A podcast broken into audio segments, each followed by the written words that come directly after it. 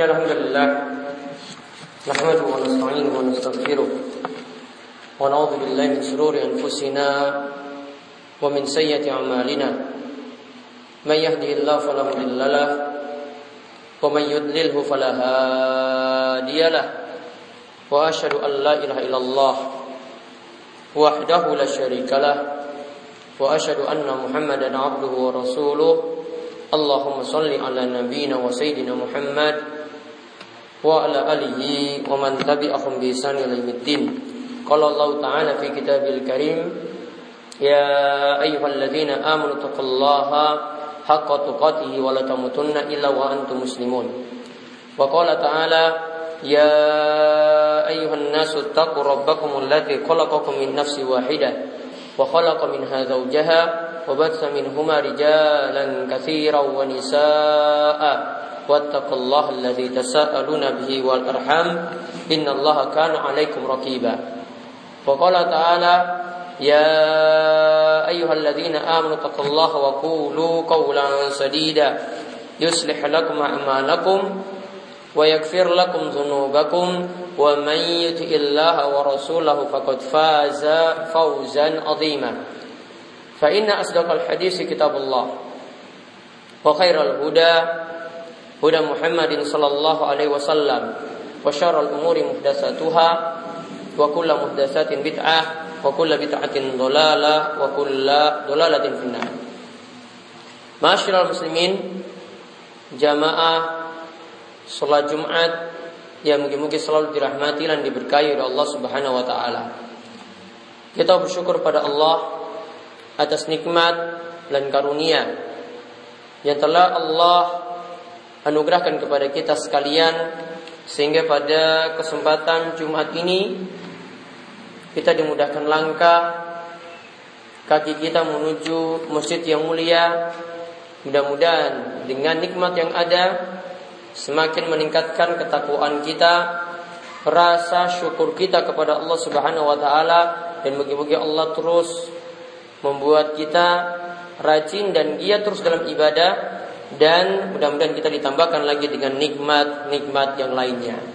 Salawat dan salam semoga tercurahkan kepada junjungan kita Nabi besar Nabi Agung Muhammad sallallahu alaihi wasallam pada para sahabat, para tabi'in, para tabi'ut tabi'in serta para ulama yang telah terus memperjuangkan Islam di tengah-tengah kita. Masyaallah muslimin rahimani wa rahimakumullah. Wonten kisah yang dijelaskan oleh para ulama ini adalah kisah menangisnya sebuah pohon kurma. Ini adalah menangisnya sebuah pohon kurma. Pohon kurma ini dulunya biasa Nabi SAW gunakan untuk berkhutbah. Jadi ketika beliau berkhutbah Jumat, beliau berdiri di atas mimbar dari pohon kurma tadi atau dekat dengan pohon kurma tadi. Kemudian akhirnya mimbar baru itu dibuat. Sebelumnya ngangge pohon kurma, kemudian Nabi SAW beralih menggunakan mimbar. Mimbar di masa Nabi SAW itu menggunakan tiga terap, tiga tangga, dan mimbar itu setelah jadi akhirnya batang kurma tadi tidak digunakan oleh Nabi Shallallahu Alaihi Wasallam untuk berkhutbah. Akhirnya suatu saat batang kurma tersebut nangis. Dia menangis sekeras-kerasnya disebutkan dalam riwayat ketika hari Jumat Nabi SAW duduk di atas mimbar lalu batang kurma yang biasa beliau berkhutbah di sana kemudian berteriak sehingga batang kurma itu hampir-hampir terbelah. Dalam riwayat lain disebutkan lalu batang kurma itu berteriak seperti anak kecil yang menangis. Ya, batang kurma tadi berteriak seperti anak kecil yang menangis. Maka Nabi SAW lantas memeluk dan memegang batang kurma tadi. Setelah itu mulailah batang batang kurma tersebut Akhirnya perlahan-lahan diam, diam, diam, akhirnya berhenti dari menangis.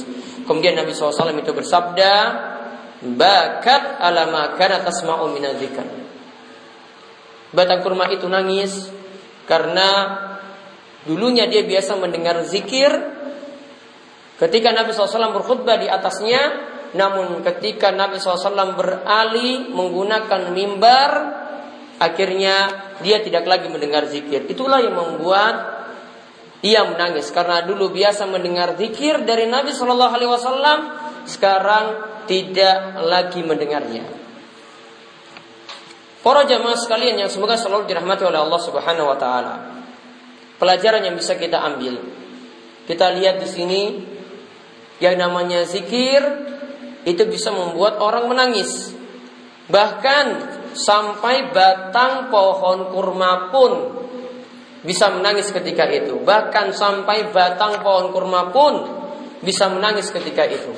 Dia nangis karena gara-gara zikir yang ditinggalkan yang biasa dia itu dengar saat khutbah, saat itu dia tidak mendengarnya lagi. Itu membuat dia menangis. Maka zikir itu semakin membuat orang itu mendekatkan diri pada Allah, membuat seseorang itu mudah untuk menangis ketika dia tidak bisa lagi berzikir.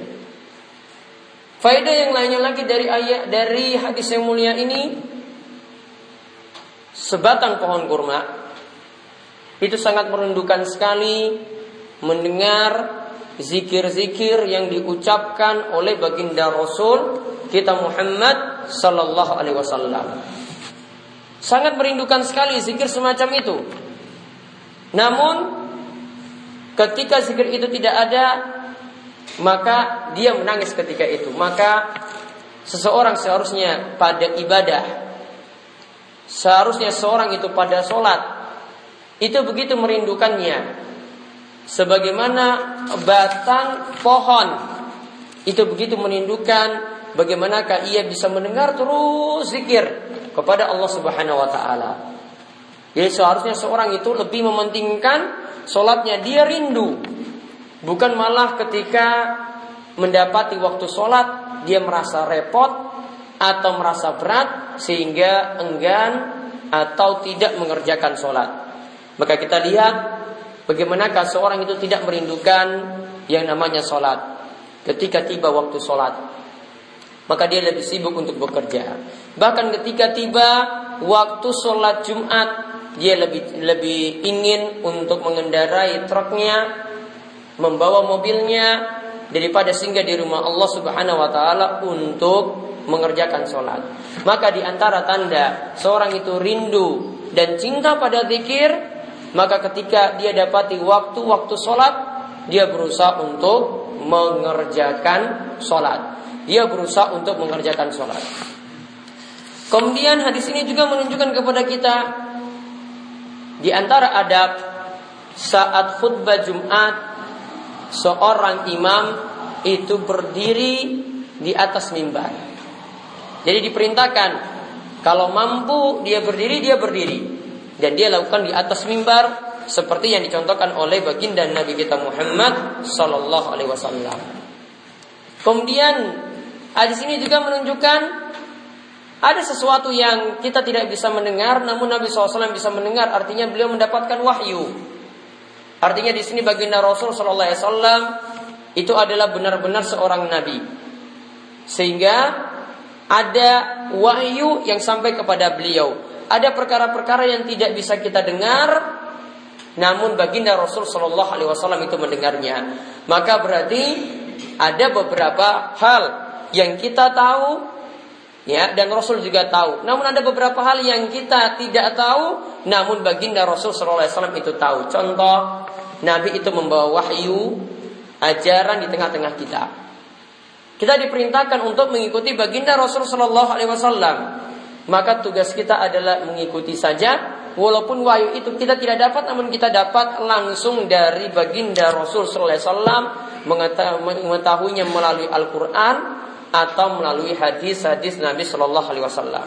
Pelajaran yang terakhir yang bisa kita ambil, hadis tadi menunjukkan bagaimana batang pohon kurma begitu mencintai Nabi Shallallahu Alaihi Wasallam.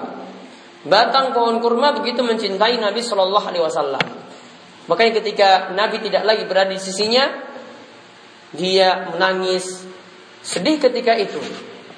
Maka kita sebagai manusia seharusnya punya tanda cinta yang besar pada Nabi kita Muhammad sallallahu alaihi wasallam sebagaimana yang Allah Subhanahu wa taala perintahkan kul in kana abaukum wa abnaukum wa ikhwanukum wa azwajukum wa ashiratukum wa amwalun iktaraftumuha wa tijaratun tashawna kasadaha wa masakinu tardawnaha ahabba ilaikum minallahi wa rasuli wa jihadin fis sabili fatarabbasu hatta ya'ti Allah bi amri wallahu yahdil qaumal fasikin. Allah berfirman katakanlah jika bapak-bapak kalian anak-anak kalian saudara-saudara kalian istri-istri kalian atau keluarga kalian sedulur-sedulur kalian Begitu juga harta kekayaan yang kalian usahakan atau perniagaan yang kalian khawatir kerugiannya dan tempat tinggal yang kalian sukai. Hati-hatilah jika itu semuanya lebih kalian cintai daripada cinta pada Allah dan Rasulnya dan jihad di jalan Allah. Tunggulah nanti sampai Allah mendatangkan keputusannya dan Allah tidak memberi petunjuk kepada orang-orang yang fasik. Maka dalam ayat ini surat At-Taubah ayat 24. Kita sekalian diperintahkan untuk mencintai Rasul, mencintai Allah dan mencintai baginda Nabi Shallallahu Alaihi Wasallam. Jangan sampai kecintaan itu dikalahkan dengan kecintaan kepada harta, dikalahkan dengan kecintaan kepada anak, dikalahkan dengan kecintaan kepada istri, dikalahkan dengan kecintaan pada bisnis, dagang, kerja dan seterusnya. Tetap Allah dan Rasulnya itu wajib untuk kita cintai. Ancamannya kalau kita tidak mencintai Allah dan Rasulnya, maka tunggulah nanti akan datang keputusan Allah, yaitu akan datang musibah ketika itu. Lalu bagaimana tanda cinta kita kepada Nabi SAW? Kalau kita lihat tadi sebatang pohon kurma, jika pergi dari Nabi SAW, Nabi SAW menjauh darinya, dia nangis. Namun tentu saja manusia lebih daripada itu. Tanda cinta pada Nabi Sallallahu Alaihi Wasallam yang pertama perintah Nabi lebih kita dahulukan daripada perintah yang lainnya. Walaupun nanti bertentangan dengan apa yang sudah berlaku di tengah-tengah masyarakat atau apa yang diajarkan oleh Rasulullah SAW itu bertentangan dengan omongan dalam keluarga kita Tetap kalau kita diperintahkan ibadah, diperintahkan untuk sholat, para wanita diperintahkan untuk tutup aurat, tetap perintah Allah dan Rasulnya itu wajib untuk didahulukan. Kemudian kita juga membenarkan setiap ajaran dan berita dari baginda Nabi kita Muhammad Sallallahu Alaihi Wasallam. Karena ingat apa yang Nabi SAW itu katakan wa mayantiku anil hawa in huwa illa wahyu yuha. Apa yang Nabi ucapkan itu bukan keinginan hawa nafsu beliau, namun itu adalah wahyu dari Allah Subhanahu wa taala. Kemudian tanda cinta dari eh, kepada Nabi SAW juga yang lainnya kalau nama beliau itu disebut maka kita diperintahkan untuk berselawat kepada beliau. Kita ucapkan sallallahu alaihi wasallam. Karena kata Nabi Shallallahu Alaihi Wasallam, al bakiru alladhi man zukirtu indahu fallam yusalli alaihi. Termasuk orang yang dikatakan pelit ketika namaku itu disebut lantas dia tidak berselawat kepadaku. Dikatakan pelit karena tidak mau berselawat kepada Nabi Shallallahu Alaihi Wasallam. Kemudian yang terakhir untuk obat khutbah pertama ini tanda cinta kita pada Nabi SAW adalah kita mengikuti tuntunannya, mengikuti ajarannya, mengikuti sunnah Nabi Shallallahu Alaihi Wasallam.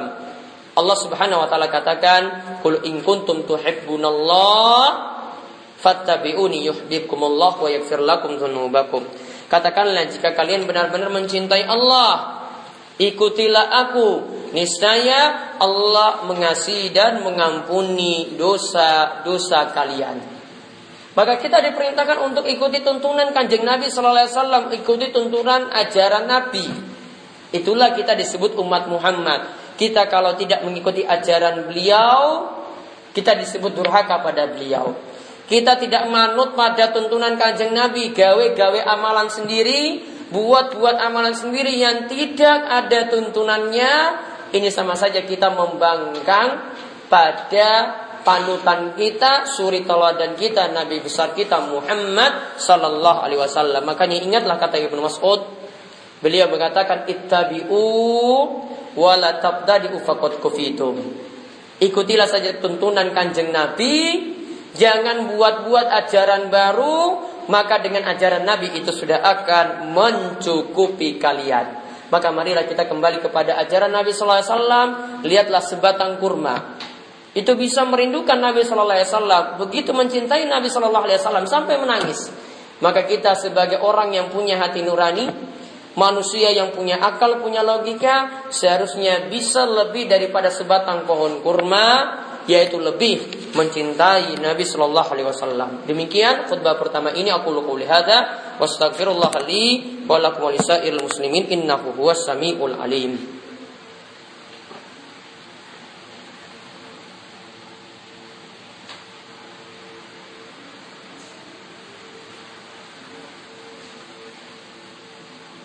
Alhamdulillahirabbil alamin wassalatu wassalamu ala asyrafil anbiya wal mursalin nabiyina wa sayyidina Muhammad wa ala alihi wa man tabi'ahum bi ihsan ila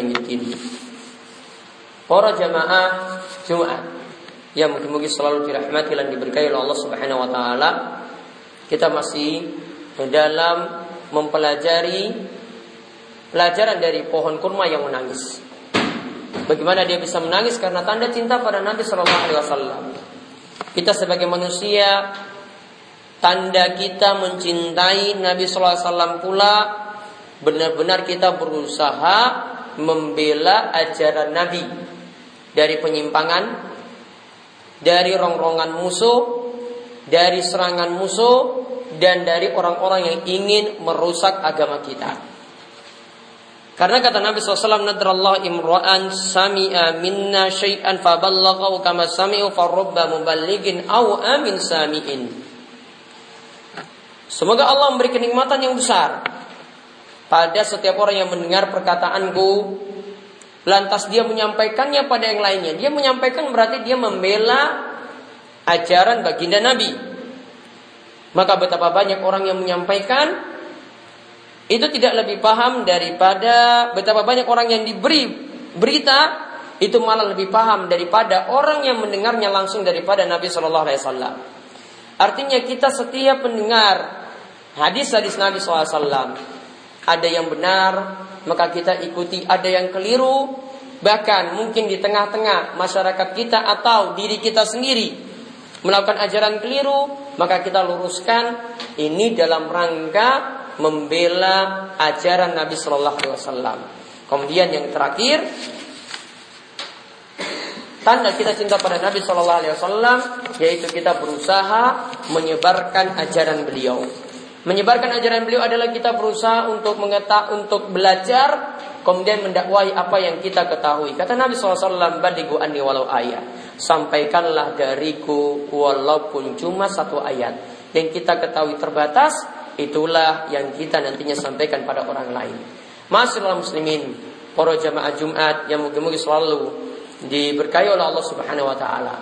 Jadi khutbah kita tadi pelajaran yang penting yang bisa kita ambil kita tahu sebuah batang pohon itu asalnya tetap diam seperti itu saja. Namun Allah membedakan ada sebuah batang pohon yang bisa menangis karena merindukan berada di sini Nabi Shallallahu Alaihi Wasallam dan kita pun demikian.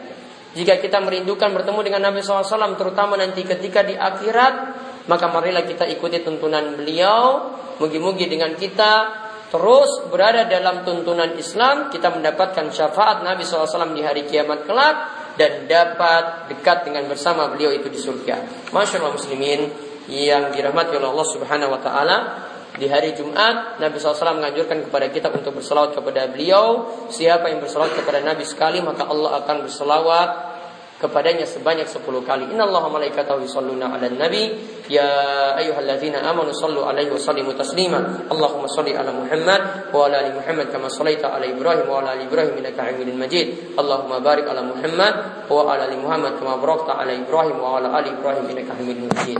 Marilah kita berdoa pada Allah Mugi-mugi Allah memperkenankan doa-doa kita di hari mustajab ini di hari yang doa-doa itu mudah dikabulkan oleh Allah Subhanahu wa taala. Allahumma fir lil muslimina wal muslimat wal mu'minina wal mu'minat al ahya'i minhum wal amwat innaka sami'un qaribun mujibud da'wat. Allahumma qsim lana min khasyatika ma tahulu bihi bainana wa bain ma'siyatik wa min ta'atika ma tuballighuna bihi jannatak wa min al-yaqini ma tuhawwinu bi alaina masa'ib ad-dunya. Allahumma matina bi asma'ina wa absarina wa quwwatina ma ahyaytana waj'alhu warisa minna waj'al sa'rana ala man zalamana wansurna ala man adana. Wa la taj'al musibatana fi dinina wa la taj'al ad-dunya akbar hammina wa la mablagha ilmina wa la tusallit alaina